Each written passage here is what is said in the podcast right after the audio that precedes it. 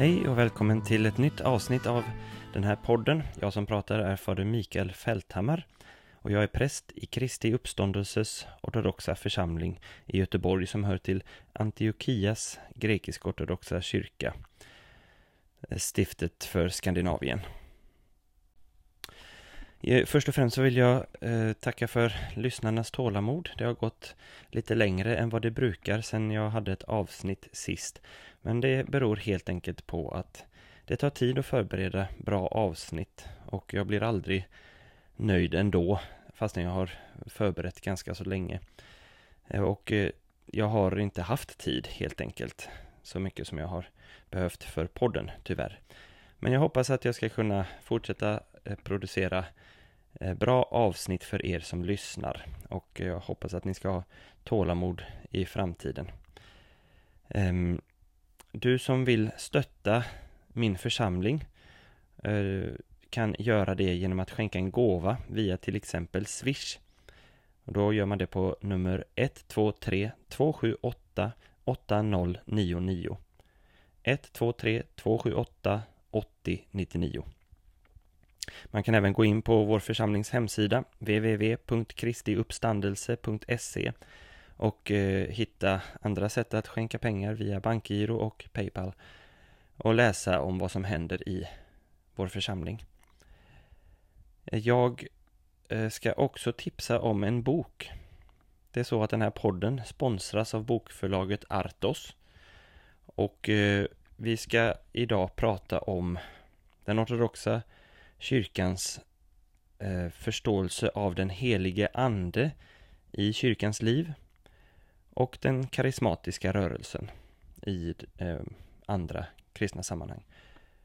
Och den boken som jag vill tipsa om idag, den är skriven av ett helgon i vår tradition som heter Symeon den nye teologen. Och han var munk i Konstantinopel vid det förra millennieskiftet, alltså mellan eh, ja, tusen till tusentalet. Och eh, han Boken heter Ljusets källa 30 andliga hymner av Symeon den nye teologen och eh, Ehm, han är en av tre personer i vår tradition som har epitetet teolog. Den första är Johannes evangelisten. Den andra är Gregorius, biskop av Nassiansos, som också kallas för Gregorius teologen. Och den som läser hans texter förstår varför det är så. Och eh, så har vi då Symeon den nye teologen och han skriver mycket av sin teologi i hymnform och eh, drabbades av den heliga ande på ett mycket eh, intensivt och för honom intimt sätt som han eh, alltid längtade tillbaka till och uppmuntrade sina munkar i klostret där han var abbot att eh, söka den upplevelsen. Och jag ska återkomma till honom lite senare också, men jag tänkte jag skulle inleda med att läsa en eh, bön till den heliga ande som Symeon, den nye teologen, har skrivit. Kom sanna ljus, kom eviga liv, kom dolda mysterium, kom outsägliga skatt, kom verklighet bortom alla ord, kom person bortanför allt förstånd, kom allsmäktige, ty utan uppehåll skapar, omformar och förändrar du alla ting endast genom din vilja. Kom du osynlige som ingen kan beröra med sin hand. Kom du som aldrig rörs, men som dock i varje ögonblick är helt i rörelse. Du närmar dig oss som ligger i helvetet, dock förblir du högre än himmelen. Kom du vars namn fyller våra hjärtan med längtan och ständigt är på våra läppar. Dock kan vi icke säga eller veta vem du är eller hurdan du är till din natur. Kom du som är ensam till de ensamma, kom ty du är själv begäret i mitt inre. Kom mitt liv och min anda, kom min glädje, min ära, min oändliga fröjd. Ja, så ber eh, Symeon den nye teologen att den heliga ande ska komma till honom. Eh, och den finns med som en inledande hymn i boken Ljusets källa 30 andliga hymner av Symeon den nye teologen. Och det är 12 sidor i den här boken. Den är utgiven 2006 på Artos bokförlag och du hittar den på www.artos.se. Så, ja som sagt, idag ska jag prata om den karismatiska rörelsen och om den heliga ande. Och det är en fråga som jag ofta får i de olika sammanhang jag är ute och pratar i. Människor som skriver till mig och frågar Eh, och undrar hur ställer sig den ortodoxa kyrkan till den karismatiska rörelsen? Och eh, ja, den karismatiska rörelsen, det är en, eh, ett fenomen som påverkar framförallt protestantiska kyrkor och även romersk-katolska kyrkan i viss mån. Och det är en rörelse där man betonar den helige andes gåvor i eh, gudstjänsten och i den kristnes liv. Jag kommer komma in lite närmare på exakt vad det är för något eh, så småningom. Men jag tänkte jag skulle börja med att prata om hur eh, den ortodoxa kyrkan ser på den heliga ande och på pingstdagen och eh, andens liv och verksamhet och gåvor i den ortodoxa traditionen. Så vi ska börja där. Och då vill jag börja med att läsa ett stycke ur den före detta finska ortodoxa ärkebiskopens bok Vår tro. Ärkebiskop Pavali. Eh, det är en jättefin liten bok som heter Vår tro och han börjar och tala om kyrkan och vad kyrkan är. Och faktum är att han uppehåller sig mycket kring den heliga ande. Och han gör det mot bakgrund av att den ortodoxa kyrkan är den helige andes kyrka och det är också min erfarenhet. Eh, man betonar den helige andes liv och verksamhet mycket starkt och tydligt. Det ska ni snart bli varse genom det jag kommer att säga. Men det tar sig mycket annorlunda uttryck än hur det ser ut i den karismatiska rörelsen. Nå, jag ska läsa vad ärkebiskop Pavali skriver. Det, det, är ett lite längre stycke. Här kommer det, citat. Kristi ankomst när tiden var fullbordad var en bestämd historisk händelse. Från den börjar ju vår tideräkning. Den helige Andes utgjutande i uppfyllelse av vad Fadern utlovat var också en bestämd, unik historisk händelse. För kyrkan innebär det kraft från höjden och sanningens ande. I kraft av detta tror vi att även om den heliga Andes nåd är verksam i senare kyrkor och samfund efter måttet av deras tro, så kommer nådens fullhet som en gång gavs åt kyrkan vid den heliga Andes utgjutande icke att givas en gång till. I pingstens festhymn sjunger kyrkan Välsignad vare du, Kristus vår Gud, du som gjorde fiskarmännen mycket visa, i det, att du, i det du över dem sände den helige Ande och genom dem hopsamlade allt människosläktet, du som älskar människan, ära vare dig. När han kommer som är sanningens ande, då ska han leda er fram till hela sanningen, lyder Kristi löfte.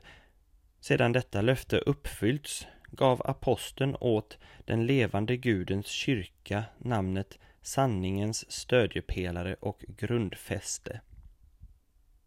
Den utlovade hela sanningen gavs åt kyrkan i den helige Andes utgjutande. Men det tog århundraden, hela den patristiska tidsåldern, att definiera den med människans bristfälliga begrepp och fastän fäderna var lärda män, djupt tänkande och rena i sin livsföring, så är detta icke nog för att för senare tiders kristna garantera den absoluta karaktären av den sanning som ärvts från fädernas tid. För detta behöver vi den helige Andes kraft, vilken gavs åt kyrkan för att leda henne till sanningen och bevara henne i den. Formuleringen i ord av den tro som levde i kyrkan från allra första början har utvecklats under en lång tid lika som det kyrkliga livet fick allt rikare former till det yttre olikartade i olika delar av Kristi kyrka men till anden ensartade. Varje försök att skapa en apostolisk församling med förbiseende av den helige Andes verk, vilket fortsatt i kyrkan under tusen års tid, verkar därför konstlat ur kyrkans synpunkt. Slut citat. Ja, det är ett väldigt, väldigt bra citat, fast det är lite långt kanske för en podd, men ni får ursäkta. Eh, och särskilt intressant är ärkebiskop Pavalis avslutning där, där han eh, talar om att varje försök att återskapa den här andens tradition blir konstlad. Jag brukar prata om att det handlar om en eh, mer eller mindre livaktig rekonstruktion i kontrast till ortodoxa kyrkans heliga tradition. Och det är väl ett avsnitt som jag kan återkomma till vid något annat tillfälle. Men av eh, ärkebiskopens citat så framgår det att den heliga traditionen det är den heliga andes liv i kyrkans historia. Liv och verksamhet i kyrkans historia. Traditionen är alltså lika med liv för oss ortodoxa. Och inte vilket liv som helst utan den heliga andes liv. Det betyder inte att allt som har skett i vår historia är gott och kristligt. Men det som är bevarat i den heliga traditionen det är eh, vad den heliga ande har givit till oss. Och det är detta som driver och inspirerar våra olika helgon i alla tider. Och ett exempel på den heliga andes verksamhet genom kyrkan, ett av de tydligaste exemplen, det är kanske koncilierna, där man i likhet med det första apostlamötet säger att den helige ande och vi har beslutat att och så vidare och så vidare och så lägger man fram vad man har beslutat. Att det är den helige ande som gör att man kan nå enhet i de här heliga mötena och eh, på så vis skydda den ortodoxa tron från olika villoläror som kan hota den på olika sätt och vis. Jag ska säga att det finns också avarter i hur man kan betrakta traditionen. Det finns en del som förhåller sig synnerligen rigoröst till traditionen och menar att vi får inte ändra någonting. Alltså det blir en slags eh, radikal konservatism i synen på traditionen. Och det är inte vad traditionen handlar om. Vi vördar och värderar allt det som har traderats till oss och vi har inte rätt att Eh, hur som helst bara komma och ändra på det på grund av influenser i våra, våran tid. Men Eh, den heliga traditionen är en dynamisk och levande verklighet och det är varje kristens uppgift att vara hörsam till den heliga ande ehm, och ehm, vara en del, stiga in i den här traditionen. Sen finns det också sådana som betraktar traditionen som inget annat än vanlig sekulär historia och därför eh, möjlig att revidera och ändra på allt eftersom tidsandan faller på. Och detta förekommer givetvis också i ortodoxa kretsar då man vill eh, skava bort sådant som inte är tidsenligt i våra ögon. Nåväl, det var lite granna om traditionen. Den heliga Athanasius av Alexandria han säger på ett ställe att ordet blev kött så att vi skulle kunna ta emot anden. Och den som känner till ortodox teologi vet att eh, hela den heliga treenigheten är eh, ense och verksam i frälsningen av oss människor. Och den helige Irenaeus av Lyon, han säger att eh, Sonen och anden är som Faderns båda händer som alltid verkar tillsammans för människornas frälsning. Så där Sonen är, där är anden och vice versa. Ehm, så ordet blev kött så att vi skulle kunna ta emot anden. Ja, men blev inte ordet kött för att dö på korset och ta våra synder på sig då? Jo, det är väl en aspekt av det, men frälsningen för det mänskliga släktet är inte helt och hållet fullkomnad förrän anden faller över apostlarna på pingstdagen, denna historiska händelse som hände en gång för alla. Det är det som den heliga Athanasius menar här. Ordet blev kött så att vi skulle kunna ta emot anden, hjälparen. Och det sker i kristet liv på olika sätt. Delvis så kan vi, om vi tar två exempel, det, dels det sakramentala livet men också det personliga livet. Om vi börjar med det sakramentala så får vi ta emot anden eh, i sakramenten.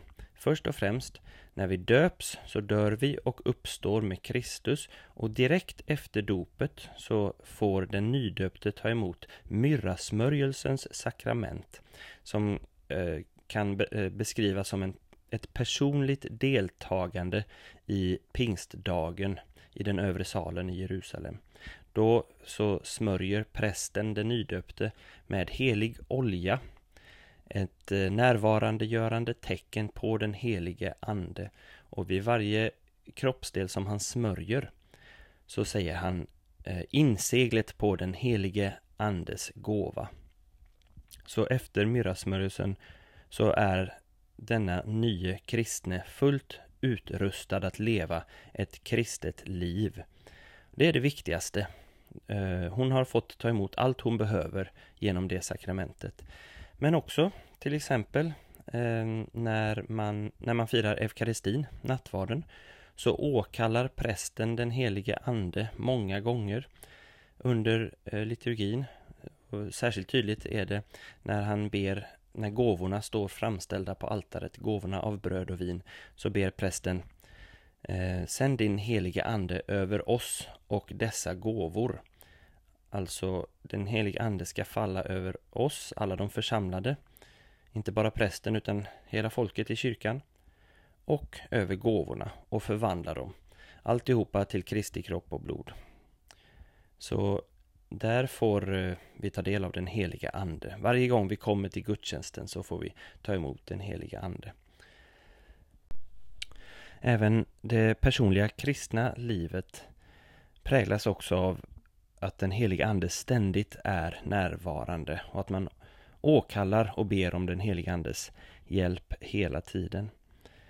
Eh, det blir tydligt i att varje bön, förutom under påsktiden, inleds med en åkallan av den helige Ande. Och detta gäller ju både den personliga bönen och bönen i kyrkan.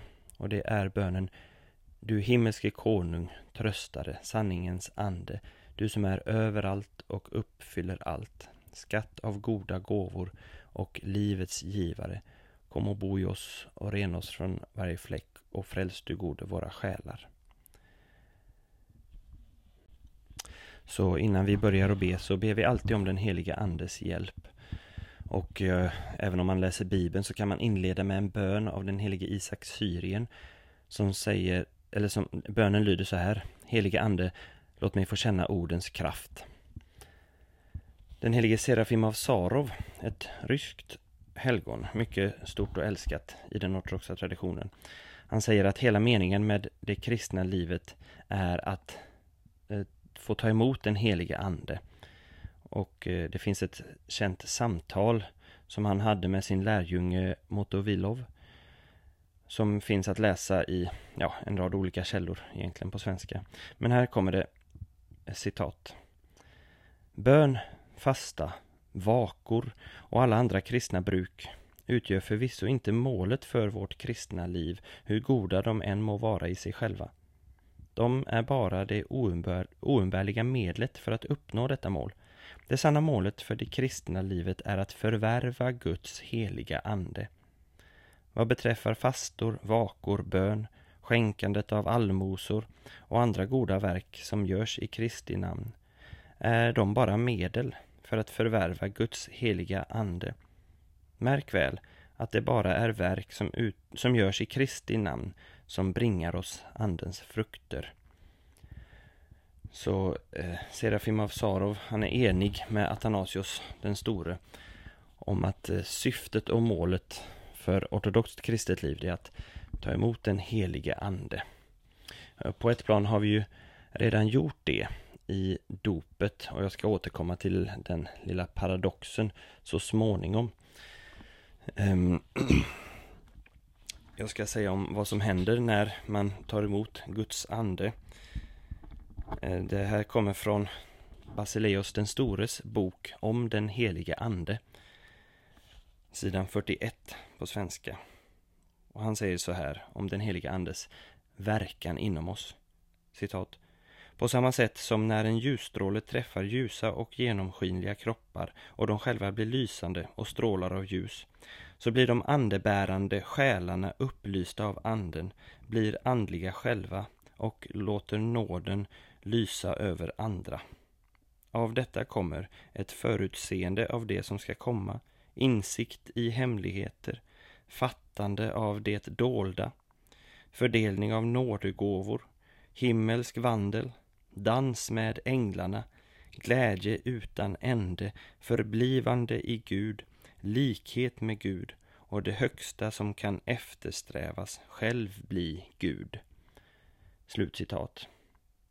Att bero på det sista här så är det en eh, allmänt känd ortodox lära att målet för människorna är att bli gudomliggjorda. Eh, att bli gudar så långt det är möjligt för skapade varelser. Men inte att, Eh, som en del missförstår det, att uppgå i det gudomliga väsendet. Vi förblir skapade, men så, så djup är den ortodoxa förståelsen av vårt slutmål, gemenskapen med Gud, att vi talar om det som att vi ska bli gudomliggjorda. Och det är den helige Ande som får det till stånd inom oss. Att förvärva den helige Ande. Och eh, det kan ju ske givetvis i äktenskapet och i klosterlivet. Och ett fint exempel på eh, någon som har erfarit detta i modern tid i klosterlivet. Det är den helige Siluan av berget Atos.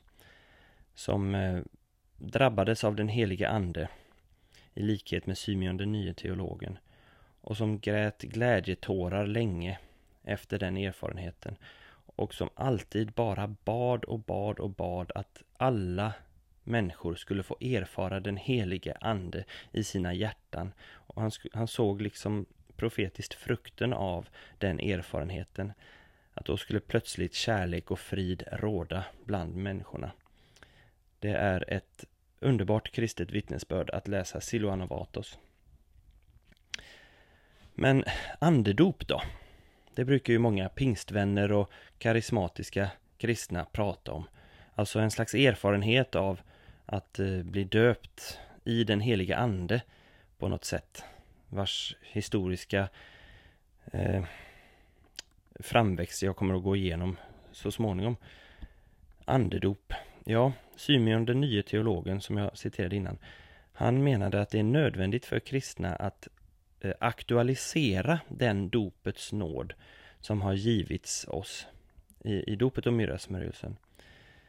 Eh, och det var väldigt viktigt för honom. Och det kan man läsa om i Filokalia. Eh, det är inte utgivet på svenska än, men man kan läsa om det på engelska, hur han betonar detta. Och Marcus asketen, han skriver på något ställe att vi i, i den här erfarenheten, vi upptäcker aldrig mer än vad vi har fått ta emot i dopet. Alltså på samma sätt som kyrkan får upptäcka den sanningens fullhet som hon fått ta emot av sanningens ande på pingstdagen. Så får också den kristne eh, upptäcka och aktualisera och odla den eh, andens fullhet som hon har fått ta emot inom sig. Eh, så, och det kommer helt enkelt av ett liv när man lever som kyrkan lär. Det är nästan en naturlig följd av det. Exakt hur det tar sig uttryck dock skiljer sig nog åt från människa till människa eftersom vi är unika personer. Och eh, den heliga ande vill inte sudda ut våran unicitet och våran personlighet. Utan den heliga ande får oss att bli fullt ut de vi är skapta att vara. Och det är något väldigt vackert. Så hos någon så kan den heliga ande, erfarenheten av den heliga ande få som resultat samma som den fick hos eh, Efraim Syrien eller Symeon den nya teologen. Att de börjar skriva hymner och andliga sånger som Paulus pratar om i Efesiebrevet till exempel. Men hos en annan så kan den heliga andes verksamhet ta sig uttryck att man blir mycket duktig på att författa teologiska texter som till exempel hos eh, den helige Gregorius Palamas.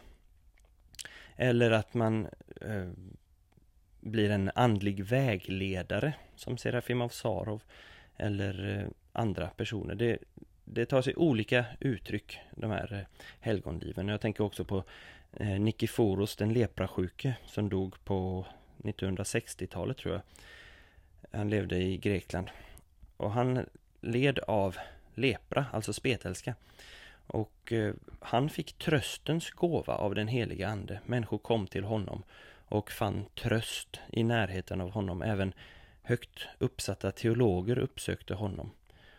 Eh, så att den helige andes verksamheter är många, men anden är densamma. Eh, det är, det är lite grann om den helige andes liv mm, på ett sakramentalt plan och i det kristna livet. Så av detta framgår att den helige ande är helt nödvändig i den ortodoxa kyrkan. Ehm, det är som sagt den heliga andes kyrka, så talar vi om oss själva. Och jag har ju varit på många oasmöten i mina dagar och, fick höra då att eh, den heliga, eller eh, den ortodoxa kyrkan, ja men de behöver ingen andlig förnyelse för de har ju haft den heliga ande från pingstdagen.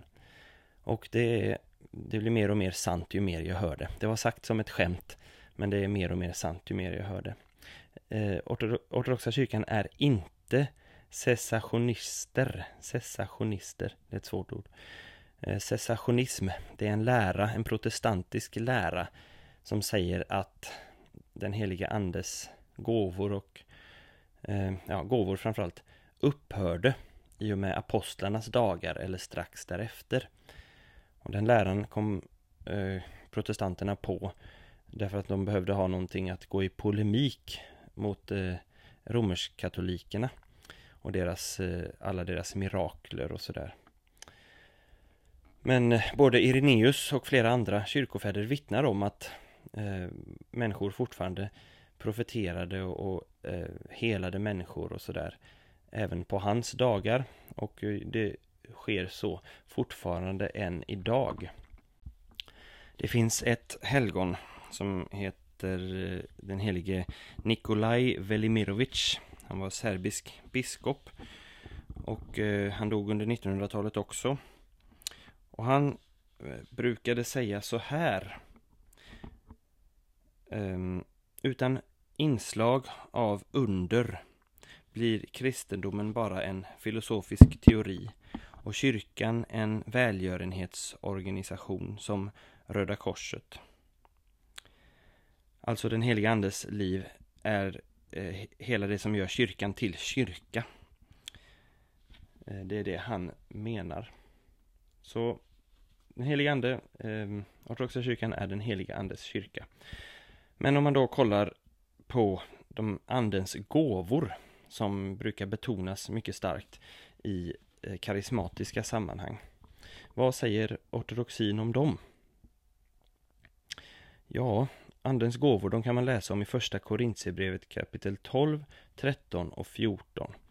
Och först och främst så kan man säga att vad Paulus poäng är i de tre kapitlen, det är att den största gåvan av allt, det är kärleken. Och den som har kärlek, det vill säga gudagiven kärlek, som kommer av att eh, förvandlas mer och mer till likhet med Gud, den har i och med det allt den behöver. Men om man kollar på de särskilda olika gåvorna, jag, jag, ska inte gå in på allihopa, men jag ska ta några av de mer kända. Så kan vi se lite grann eh, hur de eh, förstås och har förståtts i kyrkans tradition och hur de förstås nu. Och då kan vi börja med tungotal, till exempel. Och eh, i ortodox tradition, jag ska gå in på protestantisk senare, men i ortodox tradition så eh, har tungotalet aldrig tystnat. Men tungotalet har aldrig förståtts som ett menlöst babblande av hittepåord. Utan tungotalet har förståtts som att man talar ett språk man inte kan ursprungligen. Och då finns det en berättelse om eh, Abba Poimen, till exempel en av ökenfäderna, som eh, fick besök av några som eh, talade grekiska och han kunde inte tala det. Eh, så, men då kunde de ändå samspråka med hjälp av den heliga ande. Det finns också ett exempel av den helige Efraim Syrien som där har besökt Basileios den store utan att kunna tala grekiska men de båda kunde eh, samtala ändå på grund av den heliga andes nåd, eh, nådegåva. Det finns också exempel från modern tid. Två stycken grekiska munkhelgon, den helige Porfyrios, som kunde samtala med turister eh, från olika länder och den helige Paisios som också bara kunde grekiska. Han kunde med den helige andes hjälp samtala med turister och eh, eh kristna som sökte vägledning på eh, tyska, franska och spanska och engelska av gudomlig ingivelse. Så denna gåvan blir given. Och varför? Till hjälp för människor som söker eh, till hjälp till frälsning. Det finns också gåvan att profetera, profetia. Och det är ganska vanligt förekommande när man läser i ortodox kristen litteratur. Jag kommer spontant att tänka på eh, den helige Polykarpos av Smyrna som får reda på genom en dröm att han snart ska lida martyrdöden. Många ökenfäder får, reda i, får i förväg reda på att de snart ska lämna jordelivet och förbereder sig för det. Eh, och profetia förekommer ganska frekvent genom hela kyrkohistorien hos våra ortodoxa helgon. Två andra helgon eh, från modern tid är den heliga Matrona av Moskva som eh, också levde under 1900-talet och som hade profetisk gåva. Man kan googla henne. Och eh, även den helige Johannes av Kronstadt profeterade i slutet av sitt liv. Han dog före den ryska revolutionen och han profeterade att det ryska snart, eh, folket mycket snart skulle få erfara stora prövningar. Och det fick han ju onekligen rätt i. Så profe profetia förekommer också, så även helande. Eh, ganska vanligt förekommande att antingen att ett helgon uppenbarar sig för någon sjuk person och läker denne eller att en nu levande person eh, genom Guds nåd eh, lyckas, eh, eller ja, läker en människa helt enkelt. Så andens gåvor är eh, högst levande i ortodox tradition fortfarande idag, men det ser inte ut som det gör riktigt i den karismatiska rörelsen. Om man vill så kan man lyssna på en podd som heter Signs in our times som finns på Ancient Faith Radio som är korta avsnitt som beskriver moderna under och tecken för den som är intresserad av sådant. Viktigast är att de här gåvorna och alla under och mirakel och tecken alltid syftar till att dra människor närmare Gud. Det finns liksom inget egentligt egenvärde i miraklerna i sig utan det största miraklet är när en människa kommer närmare Gud och blir frälst. Den viktigaste gåvan i ortodox tradition det är gåvan att skilja mellan andar som Paulus skriver om. Och eh, detta är eh, grundar sig på ett bibelställe i första Johannesbrevet kapitel 4, vers 1. Då skriver aposteln, mina kära, sätt inte tro till alla andar, utan pröva om de kommer från Gud. Ty många falska profeter har gått ut i världen. Och det är lika sant då som det är nu. Det räcker bara att slå på någon amerikansk kristen tv-kanal så får man se alla möjliga olika galenskaper där. Gåvan att skilja mellan andar, det är, en, är och förblir en central viktig gåva, inte minst i eh, klosterväsendet.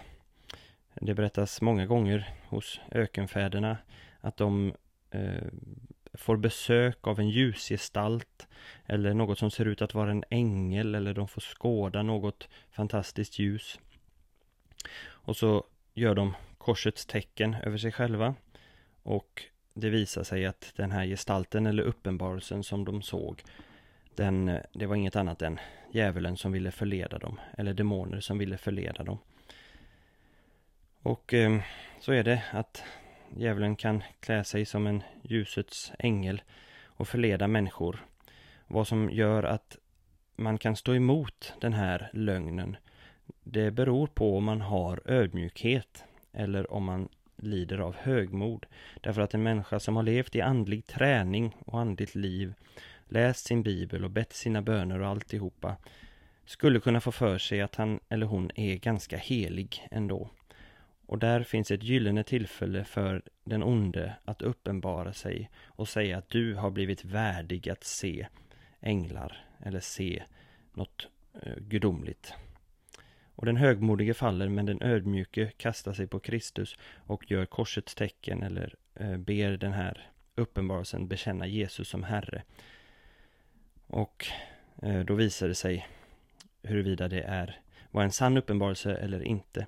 Det finns en berättelse om eh, en, jag har nog berättat den tidigare i podden, men det, en ung lärjunge kommer till en munk och, och uh, ropar eh, Fader, fader, den och den kan se änglar. Och den erfarne gamle munken svarar Ja, ja, ja, det är väl inte så märkvärdigt. Det, det vore ännu bättre om han såg sina egna synder.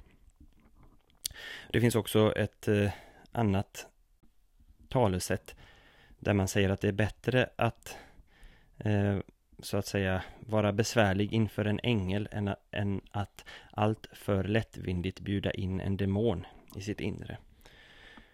Så allt detta eh, för mig till några viktiga texter av biskopen Callistos Ware som har skrivit fint om den heliga ande och den heliga andes liv i i kyrkan och hos den kristne. Han talar om detta att eh, det finns alltid ett behov av att skilja mellan andar. Och då skriver han att tungomål och tårar och allt detta, det kan vara en äkta andlig gåva från Guds heliga ande. Men så säger han också något viktigt.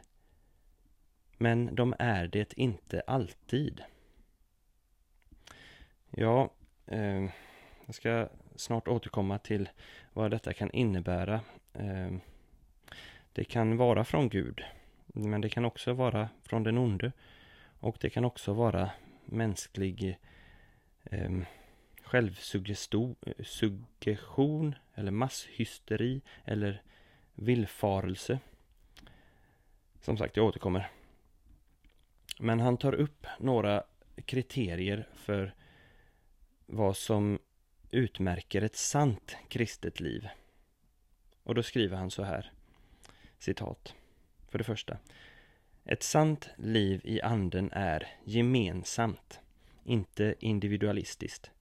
Ens personliga upplevelser behöver prövas och prövostenen är den, det kristna samfundets samvete. För det andra. Ett sant liv i anden utmärks av lydnad. Man bör inte enbart lita på sin egen inre övertygelse utan man bör så vitt möjligt lägga fram sina personliga upplevelser för en andlig fader. Och för det tredje, ett sant liv i anden kännetecknas av nykterhet, inte av vild uppsluppenhet och obehärskat jubel. Äkta andliga gåvor går hand i hand med asketisk självdisciplin. Slutcitat. De här tre är eh, väldigt, väldigt viktiga. Gemenskap, lydnad och nykterhet. Eh, och vi ska snart se på den karismatiska rörelsen och eventuellt märka i hur hög grad det gäller där. Ja, den karismatiska rörelsen då. Först så får jag dra lite kort historia, mycket, mycket eh, otillräcklig Eh, men vi hinner inte gå igenom hela den karismatiska rörelsens historia. Men den karismatiska rörelsen så som vi känner den idag från, eh, och så som den ser ut i den protestantiska kristenheten och eh, delar av den romersk-katolska kyrkan. Det är barn av helgelserörelsen som själv är sprungen ur metodismen. Och eh, helgelserörelsen har sin, sina, sitt historiska ursprung i USA och England på 1800-talet. Ungefär i mitten av 1800-talet. Och eh, där så började man tala om att man hade fått erfara ett dop i anden. Och eh, de Eh, som och följden av det dopet var att man blev helt igenom helig och skulle leva ett liv helt utan synd. Alltså man blev helt syndfri av andedopet. Eh, en syndlöshet. Och det fanns också en stark betoning på eh, separatism. Att skilja sig från samhället och från andra Mm, så, så kallade namnkristna som inte var riktiga kristna. Um, och den här uppdelningen mellan elitkristna och andra kristna det återkommer senare i karismatiska rörelsen. Eh, det, men här på ett tidigt stadium så infann sig också en eh, tydlig bibelfundamentalism. En eh, bokstavlig förståelse av bibeln och, och det smög sig in en rad and, andra heretiska läror, till exempel en eh, Ehm, överdriven förväntan på Kristi snara återkomst och ett upprättande av ett tusenårsrike och sådana där saker. Sånt som ortodoxa kyrkan redan har rensat ut och gjort upp med. Men vill man uppfinna hjulet igen så får man upprepa alla gamla misstag. Ja, eh, det är liksom ursprunget. Sen så hände det någonting på Azusa Street eh, 1906 och det brukar kallas för pingströrelsens födelse. Då en predikant som heter Seymour predikade och plötsligt så föll anden, menade man. Och eh, det pågick eh, ganska långt den här väckelsen. Och Seymour eh, betraktas som pingströrelsens förgrundsgestalt. Människor föll och dansade och bad, man talade olika tungomål och det ena med det andra.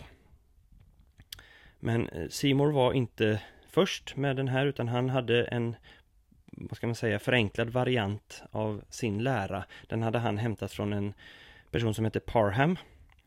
Och eh, Parham eh, försvarade också alla de här märkliga lärorna som kom från eh, helgelseförbundet, eller helgelserörelsen.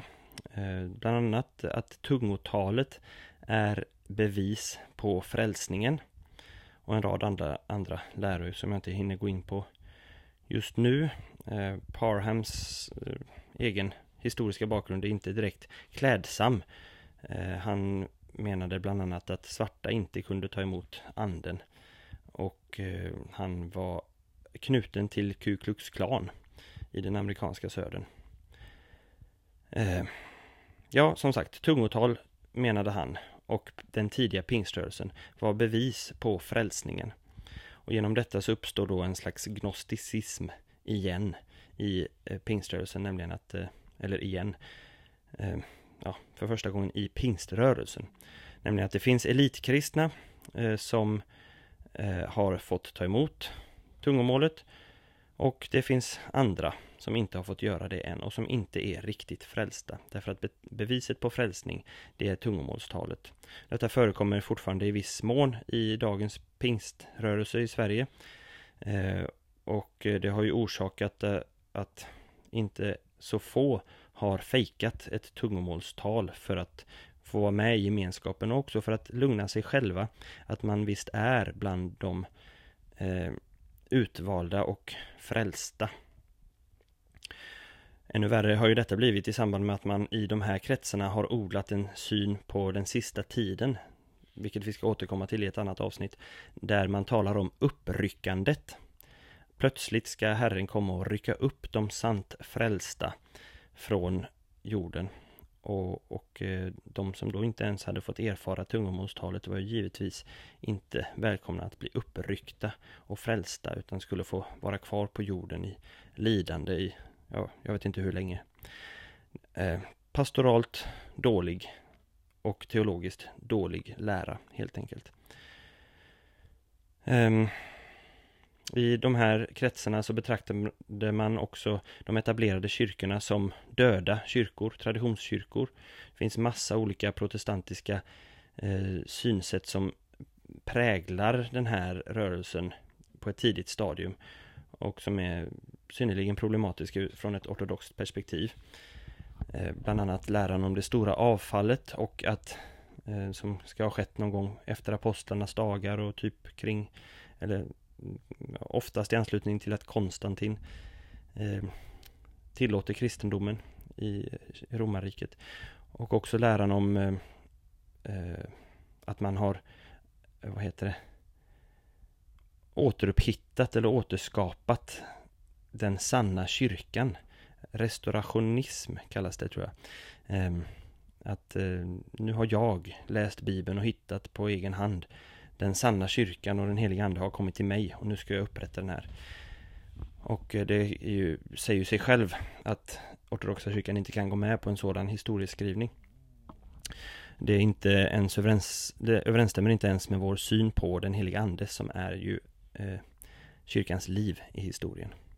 Hur som helst, 1960, alltså 54 år efter den här händelsen på Azusa Street, så eh, sprider sig den här pingstväckelsen till fler än eh, pingstkyrkan. Eller pingstförbundet, eller vad man ska kalla dem, pingströrelsen. Eh, då är det några anglikaner som eh, erfar den heliga ande, säger de, på eh, sina gudstjänster och sina bönemöten. Och 1967 så eh, tycks det som att första gången eh, detta fenomen uppstår i romersk-katolska kyrkan. Och idag så är det en ganska så spridd eh, spritt fenomen som sagt i många olika kristna samfund. Men ortodoxa kyrkan har knappast berörts av detta. Det finns några få exempel, framförallt givetvis i USA. Ehm, men de är på utdöende, några organisationer och jag tror att det finns en liten organisation i Rumänien som jag inte har särskilt bra koll på. Men där man då bejakar uttrycksformerna från den karismatiska rörelsen. Så vad har ortodoxa kyrkan att säga om hela detta fenomen? Ja, alltså för egen del så har min uppväxt inom oasrörelsen i Sverige och min eh, goda vänskap med många människor som lever i de här sammanhangen fått mig att förstå att den heliga ande så att säga blåser vart den vill och jag ska inte försöka lägga locket på.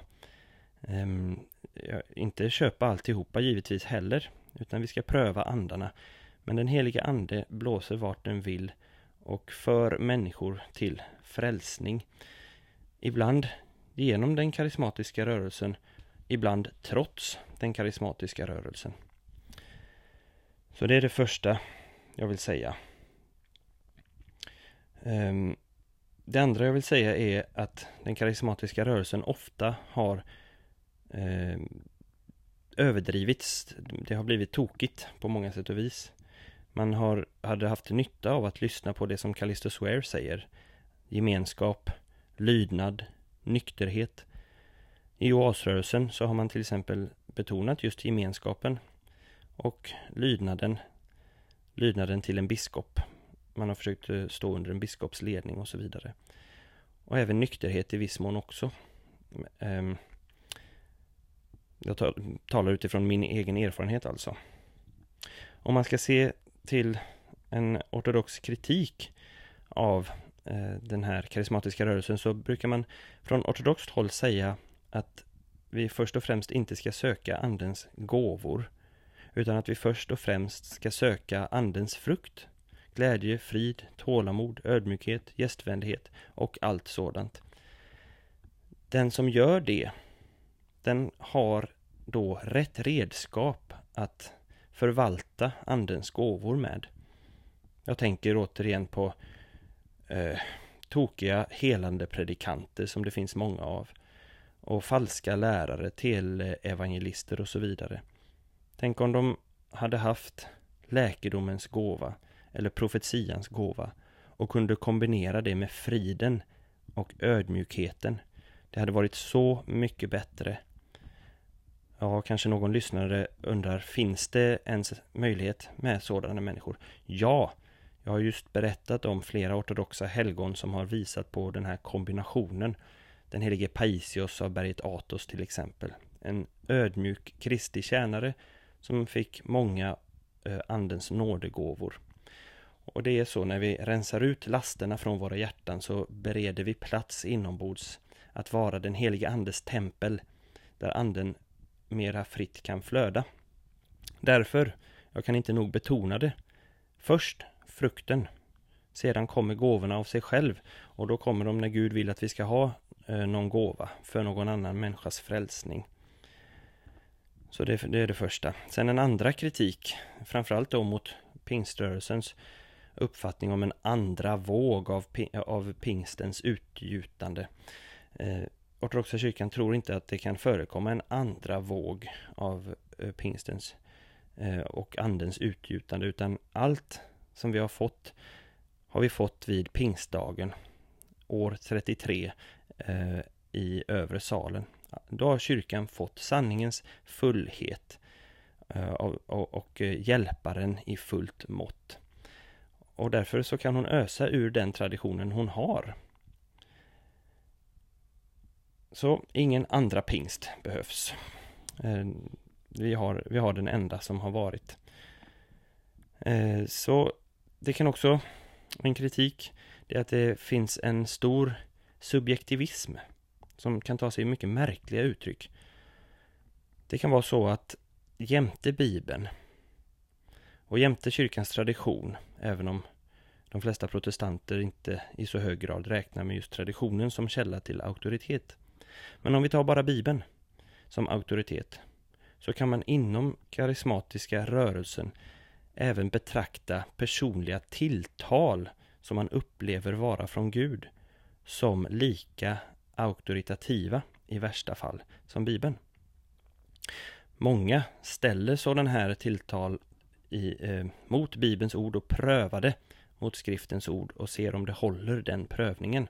Problemet är bara att om man har skriften alena så blir det mot den subjektiva uppfattningen av skriftens ord som man prövade. Och Det blir också problematiskt.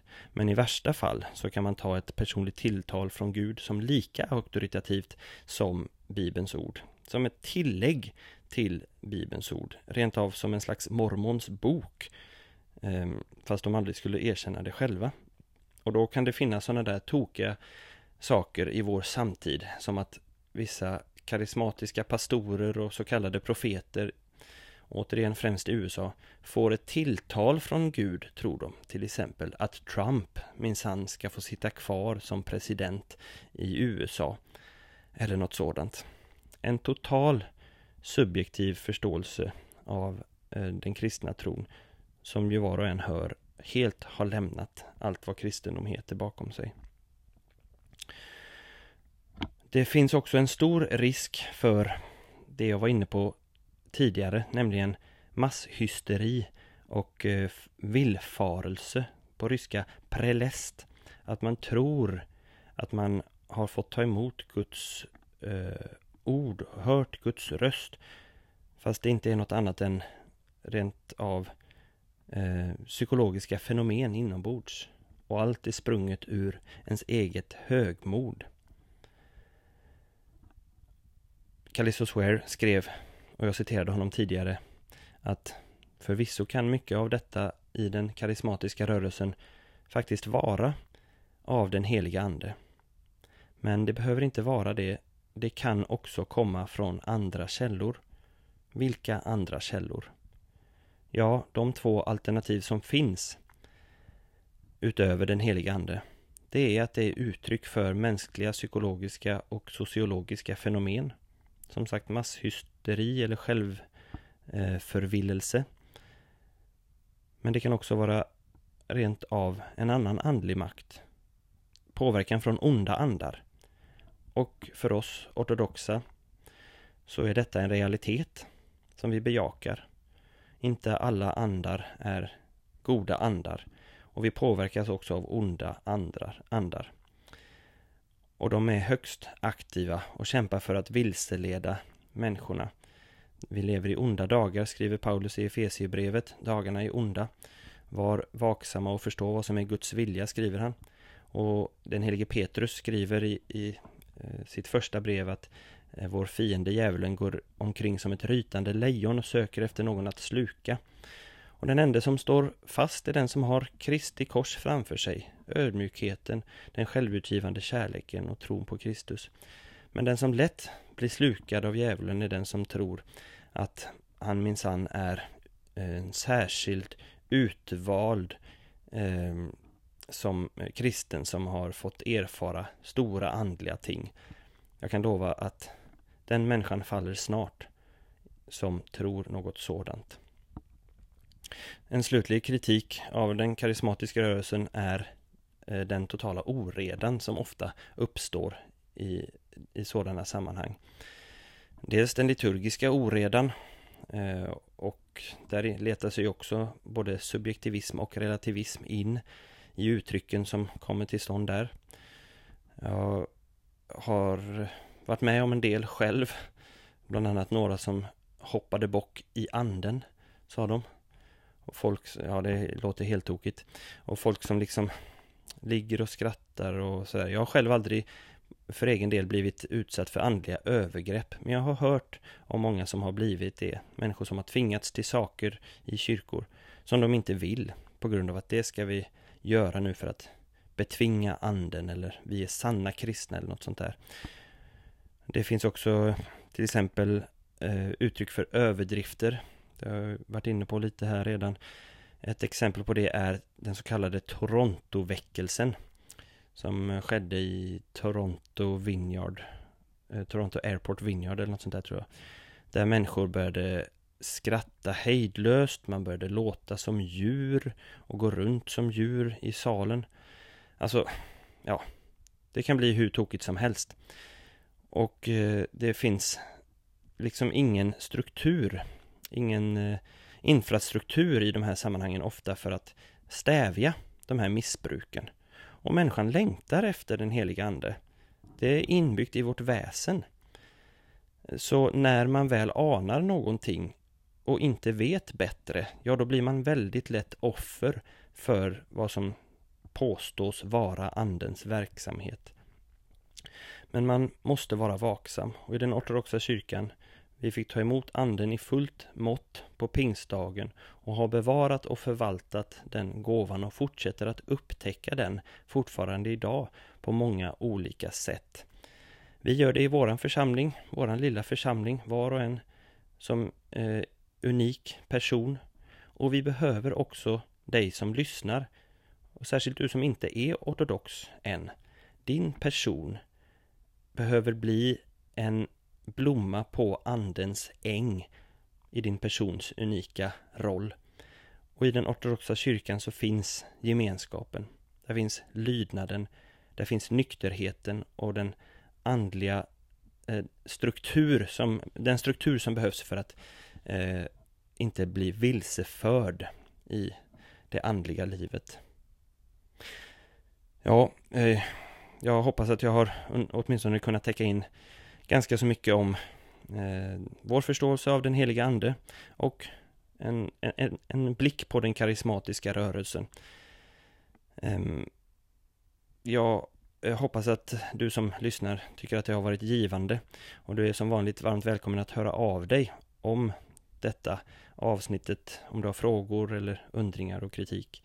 Så ska jag försöka svara så snabbt jag kan. Om du tycker om podden så ge gärna ett gott betyg på Apple Podcasts eller var du lyssnar någonstans. Sprid podden till vänner som är intresserade.